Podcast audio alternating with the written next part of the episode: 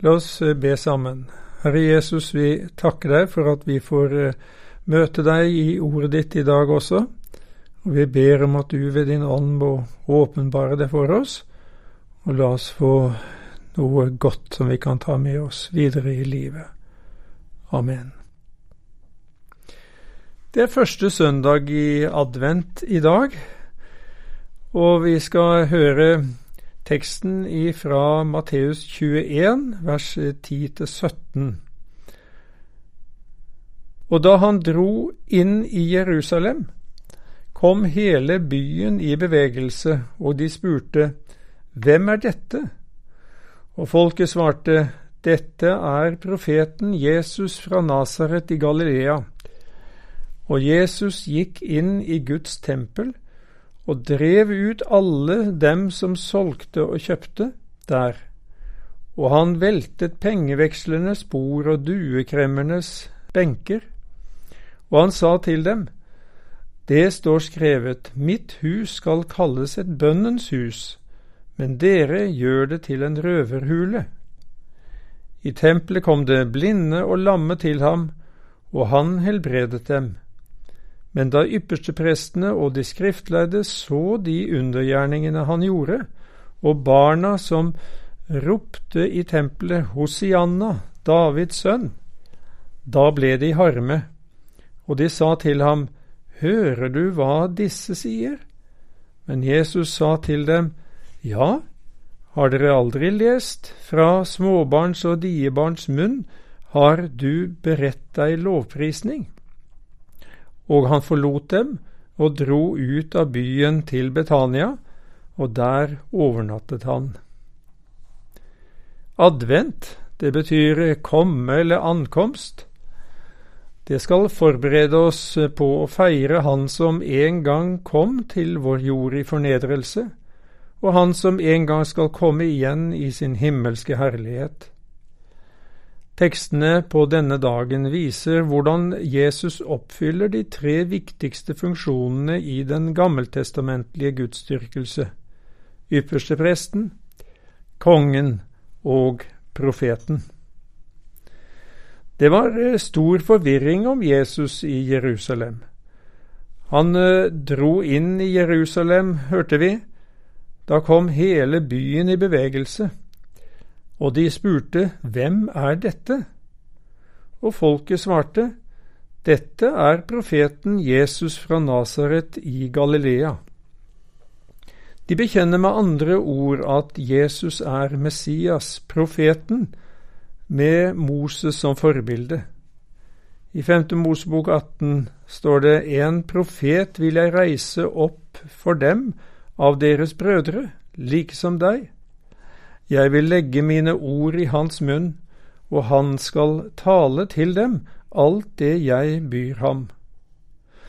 Det var akkurat det som skjedde med Jesus, den fullkomne profeten. I Johannes 12 sier Jesus, For jeg har ikke talt av meg selv, men Faderen, som har sendt meg, han har gitt meg befaling om hva jeg skal si og hva jeg skal tale og jeg vet at Hans bud er evig liv. Det som jeg da taler, det taler jeg slik som Faderen har sagt meg. Men Jesus var også konge. Like før eh, teksten vår fortelles det om at Jesus ble hyllet som Messias og konge, der han red på eselfolen nedover skråningen av Oljeberget. Folkemengden som gikk foran, og de som fulgte etter, ropte og sa, Hosianna, Davids sønn, velsignet være Han som kommer i Herrens navn, Hosianna i det høyeste. De hyllet Jesus som Messias, kongen, ved å sitere fra en Messias-salme, salme 118. Hosianna, det betyr Å Herre frels. Det er et hyldningsrop som innebærer bønn om frelse, om redning. I Salme 118 står det slik Å Herre frels, Å Herre la det lykkes. Folket brukte også Messias-titler, slik som Davids sønn, fordi Messias skulle komme i Davids ett, med han som forbilde. Han som kommer, var et uttrykk for en forventning om frelserkongen som skulle komme og befri dem fra ytre undertrykkelse og innlede en ny glanstid for Israel. Han kom imidlertid ikke på en elegant hest for å demonstrere sin store makt. Det var vanlig for konger på den tiden. Nei, Jesus fant et ungt esel og satte seg på det. Eselet var et arbeidsdyr, brukt til å bære både varer og folk. Ikke noe storslått, men trofast og utholdende. Trelldyr ble det gjerne kalt. Dette var i samsvar med profetien om Messias i Zakaria 9. Frykt ikke, Sions datter, se din konge kommer, sittende på en eselfole. Han kom ikke for å kreve noe av oss, men for å tjene oss. Det var derfor han kom, sittende på en eselfole. Liksom menneskesønnen ikke er kommet for å la seg tjene, men for selv å tjene og gi sitt liv til en løsepenge i mange sted, sier Jesus. Slik skulle Messias også være ypperste prest, stedfortreder og offer for oss. Som Guds sønn hadde han hatt all mulig rett til å forlange at vi skulle tjene ham, men han avsto fra det, for han visste så inderlig vel at eh, det var ingenting å hente hos oss. Ingen av oss er i stand til å tjene Gud på fullkommen måte ut fra oss selv. Det var også tilfellet med folket i Jerusalem. Jesus ble ikke beruset av deres hyllest. Han kjente hjertene deres, og han visste om byens framtid. Derfor stanset han, ifølge Lukas, lenger nede i skråningen av Oljeberget, like ovenfor Getsemanehagen. Og der gråt han over Jerusalem, fredens by. Dominos Flevit, Tårekirken, er bygd der dette etter tradisjonen skjedde. Jeg har vært der flere ganger og sett ut over Jerusalem. Tempelområdet ligger fortsatt rett på andre siden av Kedrondalen. Men det er ikke noe tempel der i dag. I stedet er det plassert en muslimsk helligdom der, Klippedomen, som den kalles. Tempelet ble ødelagt i august år 70, da romerne inntok byen. Tusener ble drept, og de fleste som overlevde, ble bortført. Var det rart at Jesus gråt?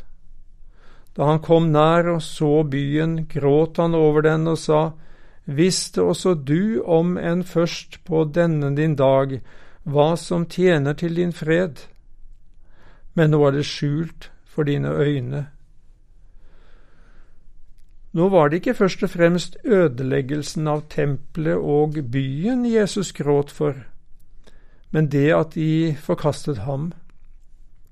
Han kom til sitt eget, og hans egne tok ikke imot ham, står det i Johannes 1. Derfor gråt Jesus. Den avviste kjærlighetens tårer, vemodets tårer. Det var tragisk at de hadde forkastet profetene, men nå forkastet de selve profeten, Guds enbårne sønn. Det er skaperen selv som blir avvist av sine skapninger. Han som snart skulle ofre livet sitt for dem, for å gi dem frelse ble foraktet av de fleste. Derfor gråt han. Slik gråter Jesus også over deg, om du avviser han. Han som har skapt deg og sørget for deg til i dag. han som tilbyr deg frelse og evig liv, vil du fortsatt avvise ham? De fleste av innbyggerne i Jerusalem og i Norge har noe til felles. De eier ikke den sanne freden.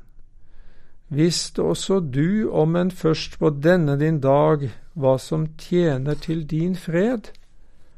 Men eh, nå er det skjult for dine øyne. Det finnes ulike former for fred. Vi kan tenke på likegyldighetens fred.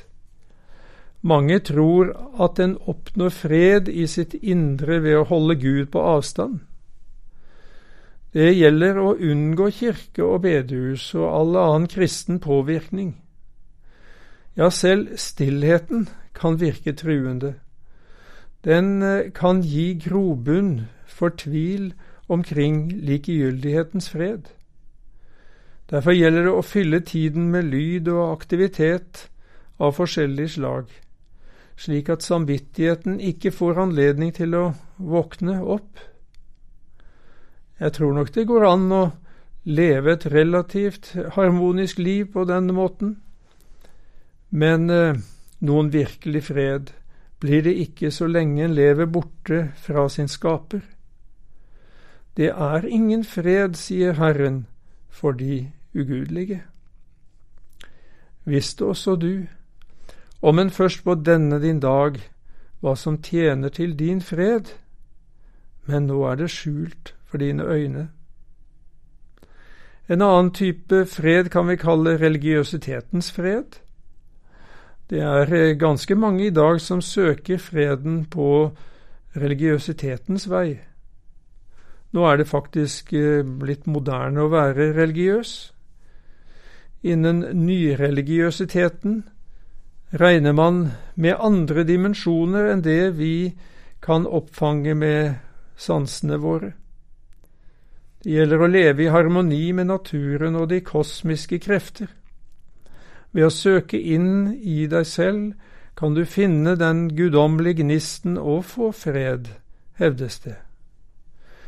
Men religiøsitetens fred kan en også finne innen tradisjonelle religioner, ja, også i tilknytning til kristen aktivitet. Felles er at en har tillit til egne prestasjoner og legger vekt på hva vi må gjøre.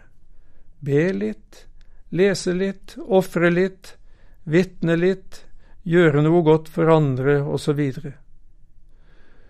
Bare en oppfyller visse forventede religiøse aktiviteter, kan en nok erfare en viss fred. Slik var det også for mange av Jesu tilhørere. Ja, noen ville legge bedre til rette for ofringene i tempelet ved å drive handel i utkanten av tempelområdet. Der kunne folk effektivt veksle til seg godkjent jødisk mynt og kjøpe duer og annet som de kunne ofre. Men eh, dette støttet opp om den ytre framheten. De glemte at offer for Gud er en sønderbrutt ånd, et sønderbrutt og sønderknust hjerte vil du, Gud, ikke forakte, står det i Salme 51. Samtidig var det sikkert noen som tjente penger på dette. De tilrøvet seg altså annenmanns eiendom, og det i Guds hus. Derfor feller Jesus en kraftig dom over all selvvalgt gudsdyrkelse, og Jesus gikk inn i Guds tempel og drev ut alle dem som solgte og kjøpte der og han veltet pengevekslernes bord og duekremmernes benker, og han sa til dem, Det står skrevet, Mitt hus skal kalles et bønnens hus, men dere gjør det til en røverhule. Uansett hvor gode hensikter vi måtte ha, blir vi en samling røvere når vi tar Guds gaver og gjør dem til våre egne, for så i neste omgang å prøve å tilfredsstille Han med dem. Det var det fariseeren i tempelet gjorde, ifølge Lukas 18. Han sto for seg selv og ba slik, Gud, jeg takker deg fordi jeg ikke er som andre mennesker, røvere, urettferdige, horkarer eller som denne tolleren. Jeg faster to ganger i uken og gir tiende av alt jeg tjener. Han mente nok å gi Gud æren, men egentlig uttrykte han tilfredshet over seg selv. Hvor farlig nærliggende er ikke denne holdningen for oss når vi føler at vi lykkes i kristenlivet?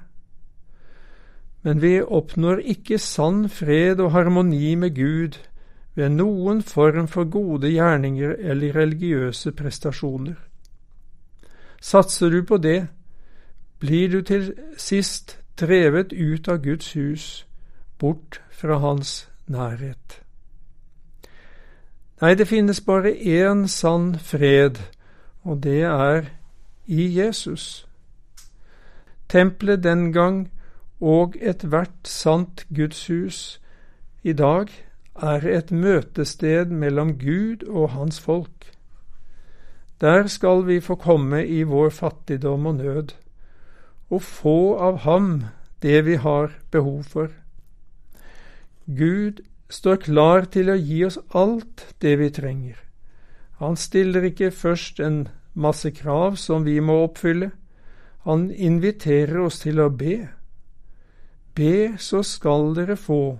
Let, så skal dere finne. Bank på, så skal det bli lukket opp for dere. Sannelig, sannelig, sier jeg dere, Alt det dere ber Faderen om, skal Han gi dere i mitt navn. Hvem er det som ber? Det er de som mangler noe. I forhold til Gud mangler vi alt. Det var det tolleren i tempelet innså. Han sto langt borte. Han ville ikke engang løfte øynene mot himmelen, men slo seg for sitt bryst og sa, Gud, vær meg synder nådig.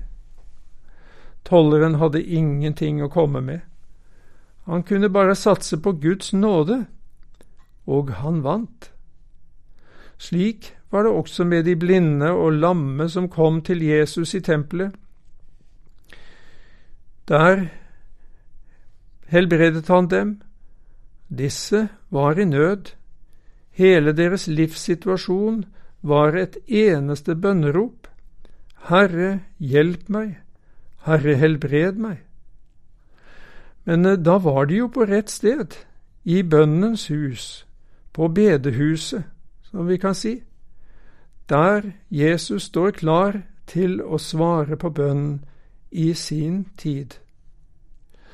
Men de religiøse lederne hadde ikke sans for dette men da yppersteprestene og de skriftlærde så de undergjerningene han gjorde, og barna som ropte i tempelet Hosianna, Davids sønn, da ble de harme, og de sa til ham, Hører du hva disse sier? Her gjentar barna de voksnes rop under inntoget i Jerusalem. De vil også være med og hylle Jesus som Messias den levende Guds sønn. Jesus bekrefter deres sanne vitnesbyrd ved å sitere fra Salme 8. Men Jesus sa til dem, Ja, har dere aldri lest? Fra småbarns og diebarns munn har du beredt deg lovprisning. Hva er typisk for småbarna og diebarna? De er helt hjelpeløse. Derfor kan Jesus være alt for dem. Selv om de ikke forstår så mye, lovpriser de umiddelbart sin skaper og frelser. Derfor er de små barna som eh, forbilde for oss når det gjelder omvendelsen. Jesus sier, uten at dere omvender dere og blir som barn, kommer dere slett ikke inn i himlenes rike. Slik var det ikke med yppersteprestene og de skriftlærde. De hadde altfor mye av sitt eget med seg. Hvordan er det med deg og meg? Kommer du tomhendt til Gud som et lite barn? Ja, da ber du.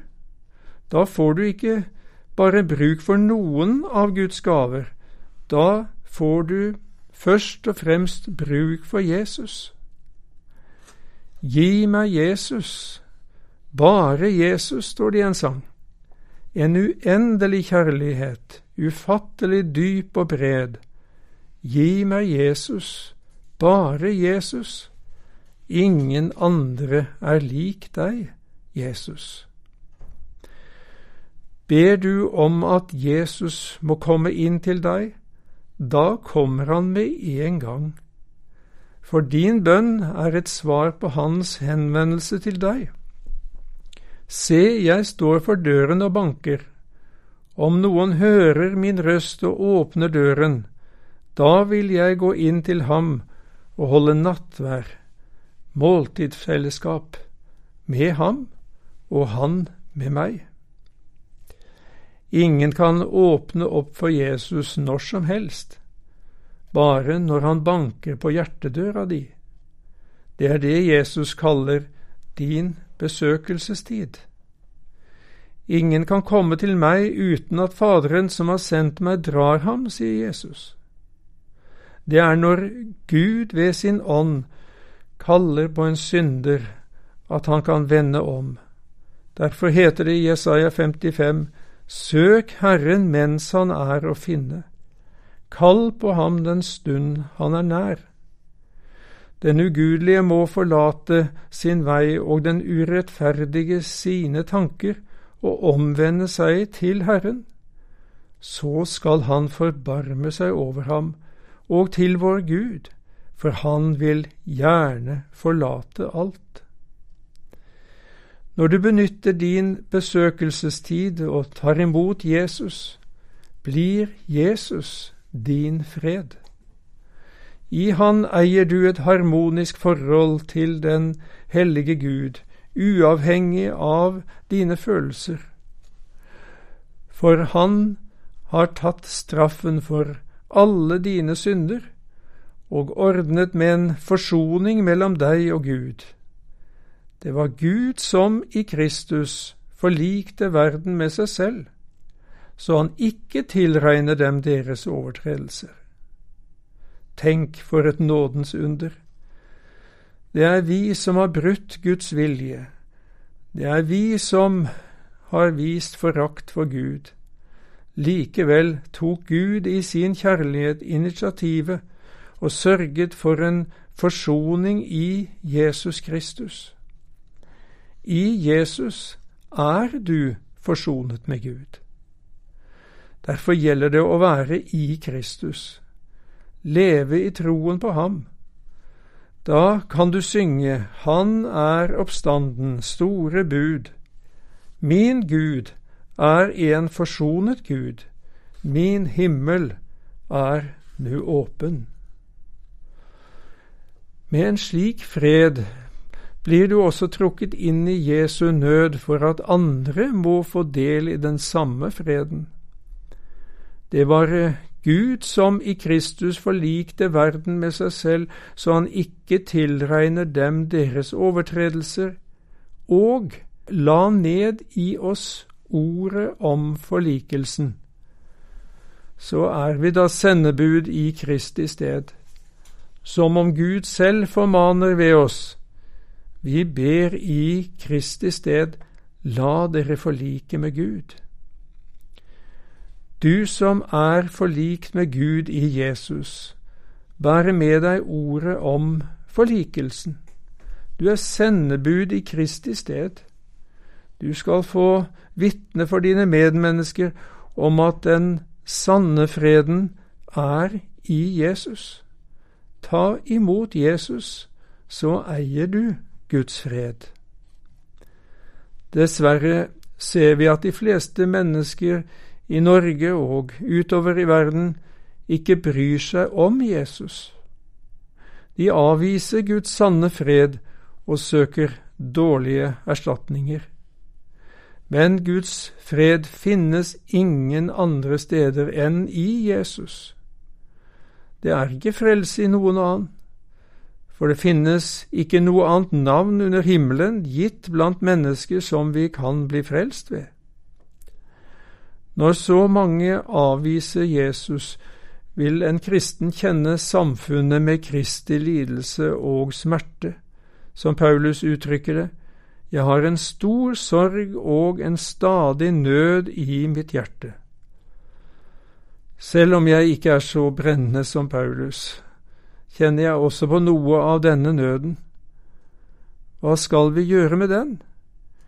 Vi skal få gå den samme veien som Paulus gikk, nemlig bønnens vei. Brødre, mitt hjertes ønske og min bønn til Gud for dem er at de må bli frelst. Slik skal vi få be i vårt lønnkammer. Slik skal vi få be på bedehuset og i andre Guds hus. Jeg er glad for alle bønner som stiger opp fra våre bedehus, men jeg tror vi kunne lagt enda mer vekt på bønnen i vårt arbeid. La Jesu ord være en motivasjon for oss. Mitt hus skal være et bønnens hus. Da vil store ting skje iblant oss, for der vi åpner opp for Jesus, vil Han stige inn med sin fred. Amen.